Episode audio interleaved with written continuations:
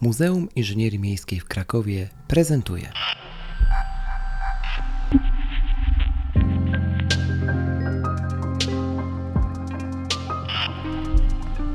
Mimcast.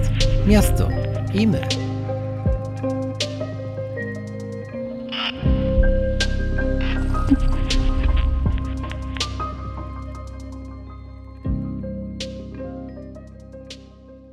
Halo, halo, tu Mimcast, odcinek numer 6. Z tej strony wita się serdecznie Krzych Kołacz i jest ze mną dzisiaj gość z Muzeum Inżynierii Miejskiej, e, Rafał Sporst. Witam Cię bardzo serdecznie, Rafał. Witam serdecznie.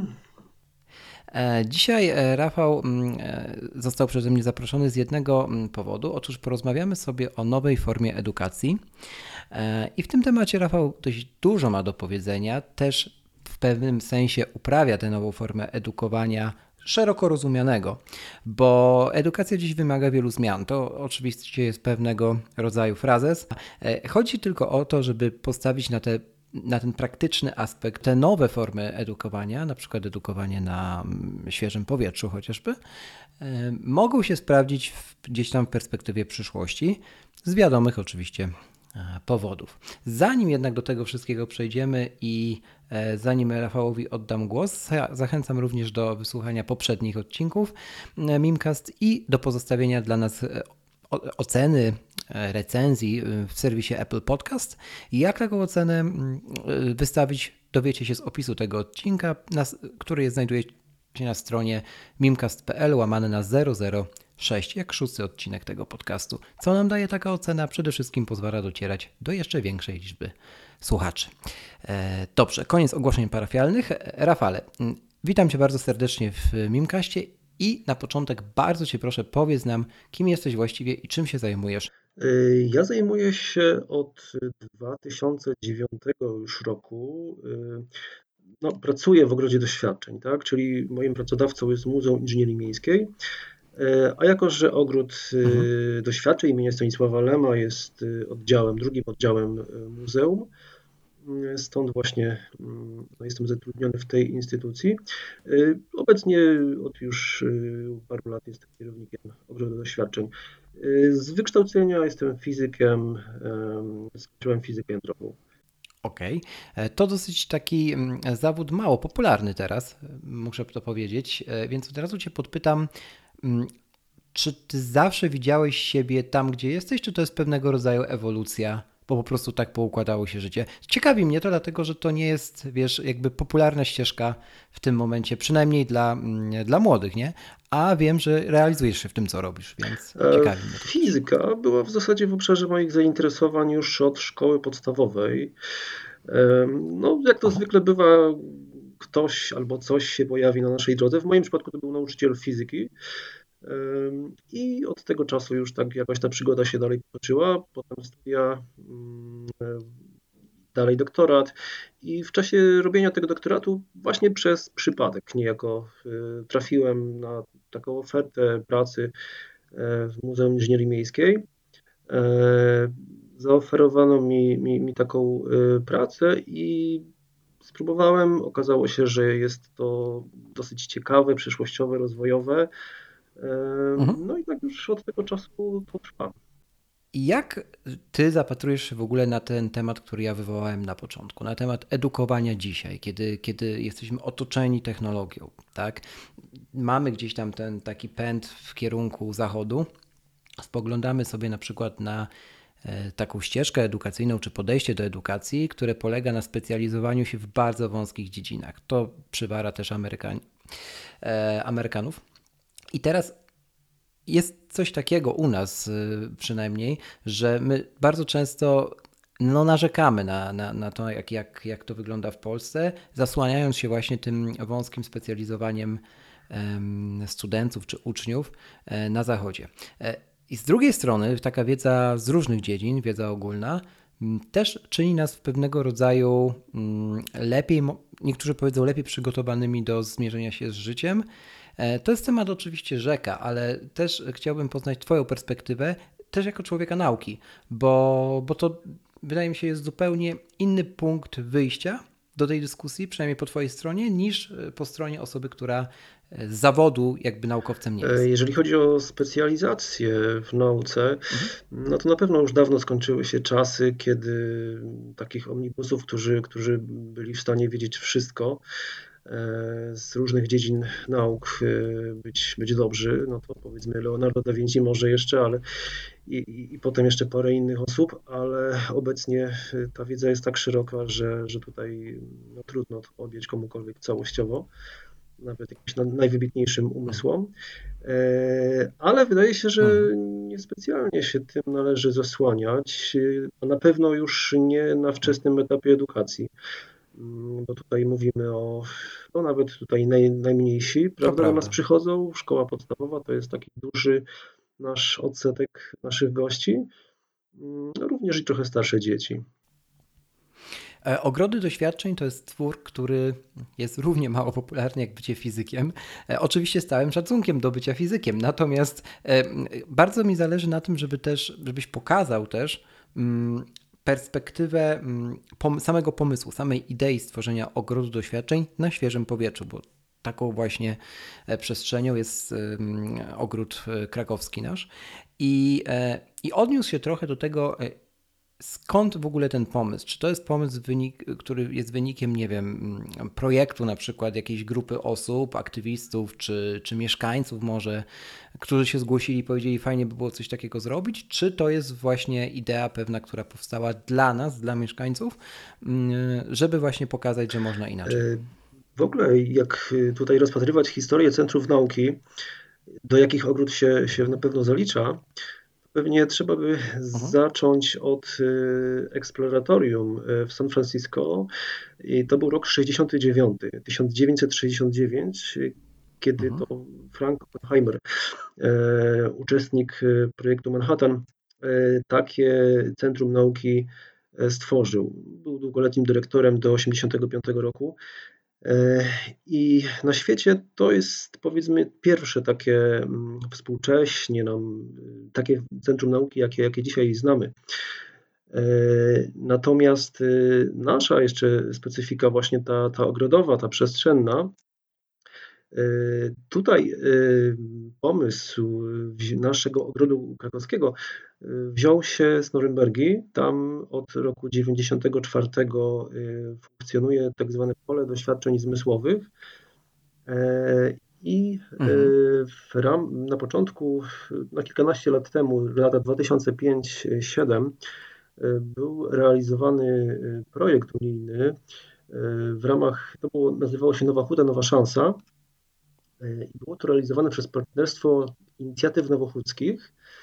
E, tam partnerami tym, tego projektu e, był Ośrodek Kultury imienia Norwida, Krakowski Zarząd Komunalny ówczesny, Stowarzyszenie Usiemachy i Gmina Kraków. I te jednostki wspólnymi siłami po kilku wyjazdach studyjnych, no między innymi właśnie w Norymberdze, postanowiły stworzyć takie miejsce e, jak ogród doświadczeń, no właśnie w Krakowie. E, do tego projektu też e, były zaangażowani, byli zaangażowani specjaliści z krakowskiego podwórka, mm, chociażby pan dr Marek Gołąb, który jest osobą pracującą w Wydziale Fizyki Uniwersytetu Jagiellońskiego, i doświadczeniami, demonstracjami, przygotowywaniem ich do wykładów zajmuje się już od lat. E, również pani Ewa Wyka, e, która pracowała w Kolegium Majus. W ogóle trzeba wspomnieć, że Muzeum Uniwersytetu Jagiellońskiego jest jednym z pierwszych centrów nauki w Polsce. Może nie, jest, nie, nie posiada dużych wystaw czy dużych przestrzeni, ale od w zasadzie mhm. początku tego wieku e, bardzo aktywnie e, działa w obszarze e, tej edukacji nieformalnej i stąd właśnie udział czy, czy pani Ewy Wyki, czy, czy pani doktor Ewy Wyki, czy doktor Macieja Kluzy w stworzeniu ogrodu doświadczeń. Kto na, na świecie jest takim liderem, jeżeli chodzi o tego typu twory, mm, jak ogród doświadczeń? No więc y, Trudno tu byłoby wskazać jakieś jedne konkretne mhm. państwo, natomiast jeżeli bo każde jakieś miasto, zwykle większe na świecie czy europejskie, zwykle posiada centrum nauki, ale jest to takie bardziej typowe centrum nauki, czyli budynek, no i tam pewne urządzenia. Dokładnie. Natomiast mhm. ogród doświadczeń jako taki, no to ja przyznam szczerze, już szukałem niejednokrotnie e, i poza tym, co mamy w Norymberdze, nie ma dużo takich ośrodków. To są raczej pojedyncze mhm. miejsca. Często y, centra nauki mają y, obok swojego budynku pewną taką wystawę y, tak pod gołym mhm. niebem, no i pewnie można to zaliczyć troszeczkę do, do, takiego, do takiej przestrzeni właśnie. Ale coś stricte jak ogród doświadczeń, gdzie tylko właśnie mamy dużą przestrzeń, w naszym przypadku to jest 6,5 hektara i tam no jest bardzo dużo. Tak, tak, tak. Mhm. Tam właśnie możemy doświadczać czy, czy eksperymentować. No to nie ma tych miejsc wiele. Powiem więcej, no chyba Polska, nie wiem czy, czy w ilościach bezwzględnych, ale na pewno na przeliczeniu na mieszkańców e, posiada tych obiektów już sporo, dlatego że e, nasza idea no, najwyraźniej się spodobała. I obiekty takie jak nasz, no, powstały na przykład w Rybniku, w Nowej Soli, w Ogrodzieńcu, e, w mniejszej skali, również gdzieś tam w jakichś mniejszych gminach, więc, więc myślę, że, że nasz kraj staje się tutaj, y, no może nie potęgą, ale, ale znaczącym tutaj mm, miejscem w tej branży. Powiedz mi, a kto najczęściej taki ogród doświadczeń e, u nas w Krakowie odwiedza? Czy to są mm, raczej rodziny, E, czy młodzi, chociaż tu pewnie nie w jakiejś przeważającej większości. E, bo ciekawy jestem, kogo ściąga takie miejsce, tak? Czy, no właśnie, to Jasne. to już mogę pytanie tak, postawić. Więc no. to wszystko zależy od tego, kiedy, o jakich dniach tygodnia mówimy, mhm. bo weekendy, bo w ogóle kiedy jest otwarty e, ogród doświadczeń? Od tego może wyjdźmy, nie? Bo to nie jest, czy to jest całoroczny Więc projekt? Do tej pory ogród otwieraliśmy od kwietnia do końca października przez powiedzmy 7 miesięcy, 6,5 uh -huh. różnie to bywało. E, I -huh. w czasie tych miesięcy, kiedy jest otwarty, no jest otwarty codziennie, dosyć długo, od rana do wieczora. E, I w weekend, prawda, czyli dni, kiedy powiedzmy jest czas wolny, y, naszymi głównymi klientami są rodziny z dziećmi. Czyli zwykle rodzice mm, z dziećmi no w różnym wieku, tak?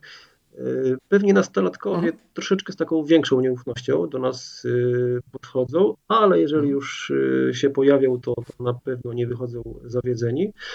Natomiast dzieci w wieku szkolnym to jest ten nasz taki standardowy klient, powiedzmy. E, no i mhm. weekendy mhm. to te rodziny, natomiast y, dni tygodnia to są głównie grupy szkolne. E, dosyć liczne, jakbym miał mhm. tak procentowo ocenić, to, to 60% mm, powiedzmy grup szkolnych, no i te rodziny z dziećmi y, w dni wolne. E, no oczywiście ten rok jest dosyć nietypowy, wszystko się troszkę wywróciło do, do góry nogami, 120 y, tysięcy około to jest nasza frekwencja mm, przez coroczna w mhm. zasadzie ostatnimi laty, natomiast teraz no to, to jest około 35 tysięcy, y, czyli jedna, jedna trzecia. To jasne. A to znaczą, znaczący spadek. No. Dokładnie. Niestety. Niestety.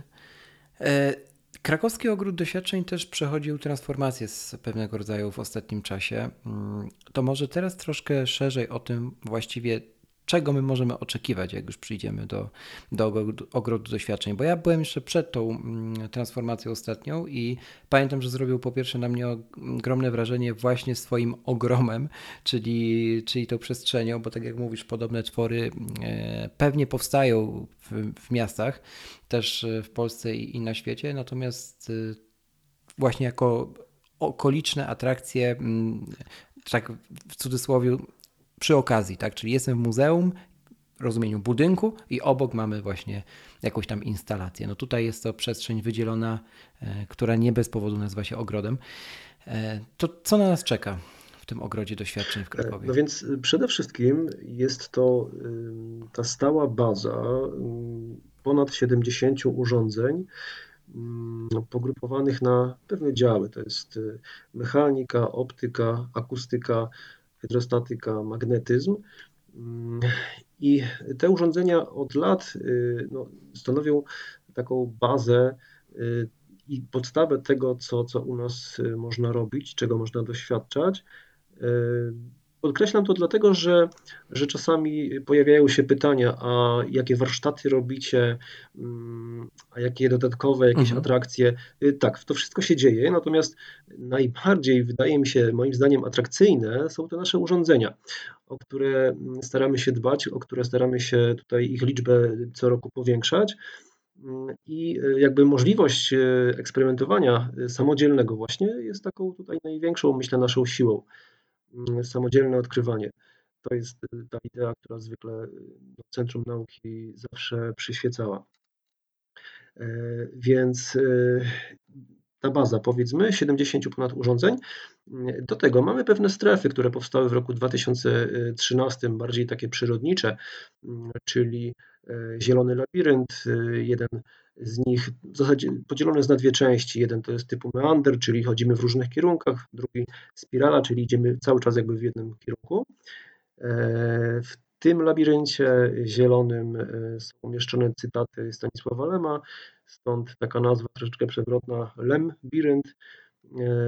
I to nie jest nasza taka jedyna zielona strefa, no bo mamy też tak zwane zapachowo, to jest y, ogród, ogródek y, zapachów, tak? czyli y, sensoryczny, sensoryczny. Mhm. gdzie możemy prawda, poznać ten zapach różnych, czy to kwiatów, ale też ziół różnego rodzaju. No, wizualny efekt oczywiście też jest bardzo fajny, w zależności od roku różne rośliny kwitną też w różnym czasie. Trzecią taką strefą przyrodniczą jest ogródek y, geologiczny. Mm, bardzo polecam. Y, ja jako fizyk, y, mając tutaj okazję uczestniczyć w tworzeniu tego, tego miejsca, troszeczkę złapałem taką żyłkę geologa i już zupełnie inaczej patrzę na jakieś kamienie, które gdzieś tam mijam teraz na swojej drodze, czy chociażby jakieś materiały, takie jak, jak mamy chociażby w Krakowie. Y, ten nasz y, ogródek y, składa się z 17 skał, no i cechą wspólną ich jest to, że są obecne w architekturze Krakowa, czyli bruk, po którym chodzimy, fasady budynków, fasady kościołów, rzeźby, Bronisława Chromego na Alei Pokoju chociażby, to jest granit tatrzański. Mamy taki okaz w ogrodzie. E, figury apostołów przy kościele świętego Piotra i Pawła na Grodzkiej. To jest wapień pińczowski, taki biały kamień. E, również można go sobie obejrzeć, można zobaczyć wręcz takie morskie żyjątka, które są, których odciski są mhm. na jego powierzchni widoczne. On jest dosyć miękki, nabiera też takiej z czasem szarawej barwy w naszym krakowskim powietrzu, no co, co również obserwujemy i na tych figurach apostołów też to widać. Więc to jest takie mocne odniesienie, no nie tylko właśnie coś, co mówi o geologii i powstawaniu skał, ale no Kraków, który, który jednak te akcenty geologiczne są tutaj mhm. bardzo mocne. Warto może wspomnieć, że autorem ogródka takiej koncepcji E, jaka jest e, geologicznego, e, był profesor Jacek Reichel, znakomity geolog z Akademii Górniczo-Hutniczej. Niestety zmarły właśnie w tym roku. Więc, więc to jest jego dzieło, które myślę no, długie lata będzie nas tutaj cieszyć w ogrodzie doświadczeń. Więc wydaje mi się, że wymieniłem większość stref, które mieliśmy do mhm. powiedzmy Y, tego roku. Natomiast y, w tym roku kończymy w zasadzie już realizację kolejnego projektu, y, który nazywa się Zimowy Ogród Doświadczeń. E, I w jego ramach powstaje bardzo dużo urządzeń, no bo to jest ponad 40 kolejnych urządzeń. E, oczywiście są odniesienia do zimy i tak na przykład mamy tor saneczkowy, mhm. który już działa, już funkcjonuje. No, zimy u nas są takie, jakie są, więc chcieliśmy się. No właśnie, miałem pytać, czy, czy będzie wymagany na szczęście, śnieg. Na szczęście nie, więc ten, ten tor saneczkowy jest ze sztucznej nawierzchni. No i możemy, prawda, mhm. bierzemy sanki, wchodzimy na taką górkę i na jakiejś dystansie 20 metrów e, możemy, możemy zjechać. Całkiem szybko zresztą uderzamy w taki materac, zabezpieczenie, tam, tam to jest mhm. bezpieczne mhm. oczywiście, ale emocje są, tak. Na pewno, na pewno nie, nie jest tak, że jest to taki e, zjazd e, bez, bez żadnych tutaj emocji. E, obok mamy karling, e, czyli można tutaj porzucać takimi kamieniami, próbować gdzieś tam wysterować ten ich poślizg, tak żeby się w odpowiednie miejsca taki kamień trafił. Będziemy mieli model skoczni narciarskiej, mm, kolejne takie nawiązanie do zimy. No a poza tym, poza tymi urządzeniami, które będą nawiązywać do zimy, no my też będziemy mieli sporo nowych urządzeń, Y, no, może takich letnich, ale również zimą, prawda, też one będą mogły być dostępne. Mm, to są trzy takie zupełnie nowe strefy: naukowa siłownia, y, piaskownica i y, odlotowy plac zabaw. W, każdym, w każdej z tych stref będzie po siedem urządzeń, a poza tymi strefami nowymi też kilkanaście innych urządzeń nawiązujących do zjawisk fizycznych, również o te urządzenia ogród się wzbogaci. Te urządzenia, no ich cechą wspólną jest zwykle to, że są takie dosyć duże. Chociażby wspomniany tor saneczkowy, ale na przykład na naukowej siłowni e, będzie tak zwane ramię siły, czyli na takim długim 15-metrowym wysięgniku będzie zawieszony duży ciężar, no i tam będziemy mogli za pomocą liny sprawdzić, że, że dzięki temu, że ramię siły jest tak długie, no to my nie potrzebujemy prawda, dużej tutaj e, mocy siły, żeby, żeby podnieść coś, co jest bardzo ciężkie. Będziemy mogli uderzać. Jasne. Dopytam, Dopytam jeszcze od razu o tę kwestię bezpieczeństwa, bo ona jest tutaj jedną z kluczowych. No, tego typu instalacje, gdzie, gdzie przyjmuje się jakby mm, osoby z zewnątrz, tak, klientów z zewnątrz, no oczywiście, że muszą być bezpieczne, tylko pytanie, mm, na ile od pomysłu do jego wdrożenia, pomijając koszty, ja mówię tylko o tej kwestii związanej z pewnego rodzaju legislacją, czy tam zapewnieniem, mm, spełnieniem norm e, bezpieczeństwa, E, ile to jest czasu, kiedy pojawia się jakiś pomysł na nową instalację do jej wdrożenia? Y, no, tak myślę, więcej. że można tutaj średnio, gdybym miał określić, to jest pół roku. Od kilku miesięcy, mhm. tak. Pół roku, okej. Okay. Tak. Mhm. Mhm. No dobrze. E, e, czyli w zimie, rozumiem, w tym roku również będziemy mogli z tego ogrodu jako krakowianie korzystać. Oczywiście zapraszamy też innych do, do Ta zima do będzie dosyć, tak, będziemy mogli korzystać, natomiast nie w taki standardowy sposób. To nie wiem, czy mogę już zdradzić, ale myślę, myślę że tak. E, będzie troszeczkę inna odsłona ogrodu doświadczeń. We współpracy z takim zewnętrznym partnerem mm, w ogrodzie będzie udostępniona E, taka świetlna wystawa e, mhm. Krainie Czarów. E, będą to różnego rodzaju światła. Ogród będzie czynny późną porą, gdzieś od 16 pewnie do 22 i z założenia przez jakieś 3 miesiące, 4 będzie no, można przyjść i zobaczyć te różne iluminacje świetlne, które, które mają robić duże wrażenie. Nieco inny rodzaj to będzie zwiedzenia niż dotychczas. No chcemy spróbować e, takiej formy. Jasne. Czy to będzie coś w rodzaju mappingu, czy mapping połączony z grą światłem? E, też, tak. Coś też e, między innymi okay. takie rzeczy. Okay. Choinka 16-metrowa, takie troszeczkę też nawiązania świąteczne. O! Super. E, Sprawa do choinki jeszcze troszkę nam zostało czasu, ale rzeczywiście jesień to już z górki. Tak, tak. No, tak. Dobrze.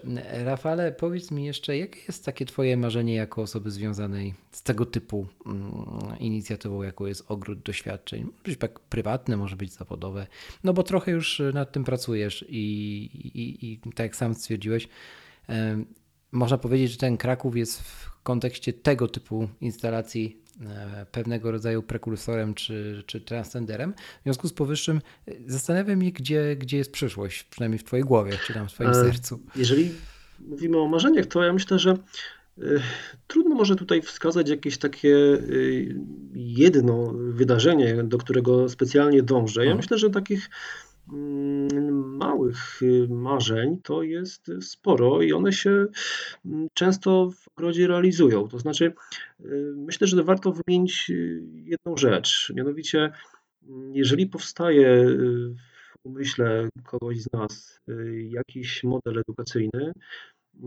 czy to gdzieś podpatrzony, czy wymyślony, czy zainspirowany jakimś doświadczeniem fizycznym z książek czy, czy jakichś innych źródeł, no to próbujemy przełożyć ten pomysł na model edukacyjny.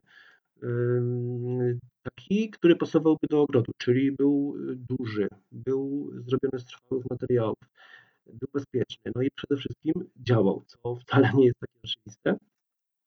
E, jeżeli uda się coś takiego stworzyć, znajdzie się na to finansowanie oczywiście, e, znajdzie się wykonawca, Y, który będzie chciał to zrobić. Mm, I skutek jest y, taki, że model staje w ogrodzie, to największą satysfakcją później jest to, kiedy gdzieś tam idąc y, przez ogród widzimy zwiedzających, którzy z tego korzystają. E, I co więcej, nie trzeba podchodzić, żeby widzieć, że ktoś jest zadowolony, że się cieszy, że, że widać u niego emocje, to jest chyba takie największe tutaj nagroda, tak? Taka nagroda. I, im mhm. więcej takich zdarzeń, to tutaj jest mhm. duża satysfakcja. Tak, i, i, tych zdarzeń pozostaje pewnie mi e, życzyć dla całego, całej załogi ogrodu. Tak, jeszcze e, tytułem końca i, mm, i trochę zahaczając o liczby, e, ile to jest osób, które powiedzmy w takim sezonie mm, pracuje nad obsługą tego typu miejsca. No bo to jest też kwestia utrzymania, jak się domyślam, konserwacji, nie tylko wpuszczania czy wypuszczania ludzi sprzedając y, bilety. Tak, tak, oczywiście, to jest około trzy osoby w biurze, konserwator, osoba od zieleni. Mhm. E, I poza tymi mhm. kilkoma osobami y, zwykle są no, najczęściej studenci, których zatrudniamy których ilość zależy no, od tego, jakie jasne. jest zapotrzebowanie. Od kilku do kilkunastu osób e, w takich e, miesiącach, maj, czerwiec, no. kiedy jest duże e, zapotrzebowanie na. Mm, a co my jako mieszkańcy Krakowa czy innych miast też możemy zrobić, żeby mm, takiego typu twory, jakim jest ogród doświadczeń w Krakowie właśnie, powstały lub żeby się rozbudowały? Czy jest jakiś sposób zgłaszania swoich inicjatyw ze strony, ze strony mieszkańców czy pomysłów? Nawet jeśli wydają się nierealne na pierwszy rzut oka? Zawsze można się z nami skontaktować. Najprostszy kontakt wydaje mi się jest mhm. przez media społecznościowe.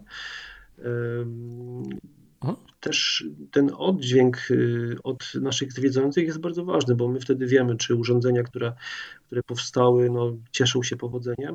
No, zwykle oczywiście obserwujemy przy, przy ich używaniu, ale co ciekawe, mm, każde urządzenie gdzieś tam ma jakiegoś swojego Y, osobę, który, dla której dane urządzenie jest szczególnie atrakcyjne.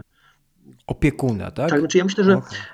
nasz, naszą taką siłą jest to, że gdybym miał wymienić jakieś urządzenie najbardziej atrakcyjne, to dla mnie będzie to, no nie wiem, anteny akustyczne, y, gdzie duże takie anteny paraboliczne, ale to jest taki monolit powiedzmy, coś co wydaje się niespecjalnie może skomplikowane, bardzo proste rzeczy, ale oddalona od siebie o 20 parę metrów y, stoimy przy nich, prawda, i możemy ze sobą swobodnie rozmawiać bez wysiłku. Tak dźwięk jest mechanicznie tutaj odbijany. Mm, natomiast y, dla innych osób y, takich urząd, takie urządzenia są, są jakieś, to nie jest to samo.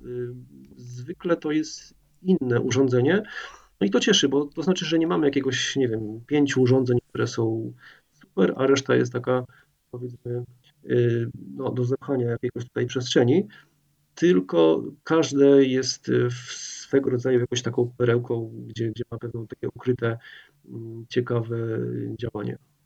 Czy jeszcze dopytam, czy obecność mm, Tauron Areny, czyli bardzo dużego obiektu sportowego i widowiskowego w Krakowie, no właściwie ta sama ulica, tak?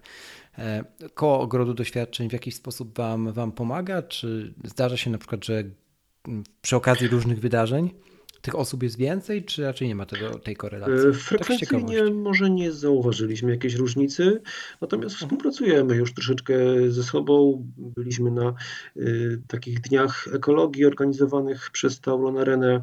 E, ostatnio byliśmy obecni w sierpniu, w lipcu i w sierpniu w strefie Garden Arena, gdzie kilka naszych urządzeń wyjazdowych prezentowaliśmy, więc, więc ta współpraca gdzieś tam się nawiązuje. Dobrze, e, bardzo dziękuję Rafał za e, przedstawienie w ogóle tego miejsca. Uważam, że ono jest atrakcyjne nie tylko dla krakowian, też warto, warto się do tego ogrodu naszego wybrać, jeśli, jeśli jesteście na przykład e, przejazdem w Krakowie, czy być może na wakacjach, albo jest rodzina u Was na wakacjach. Warto do takich miejsc osoby zabierać. Ja też zabrałem swoich znajomych, bo, mm, bo to są nietuzinkowe miejsca i, i bardzo ciekawie wypełniają dzień pomiędzy na przykład wizytą e, w restauracji czy, e, czy inną formą takiego klasycznego spędzania czasu. Także, także też od siebie gorąco, gorąco polecę. Z tej strony żegna się z Krakowa Krzych Kołacz i również z Krakowa. Rafał Sforst. Dziękuję bardzo. Dziękuję i do następnego. Do usłyszenia.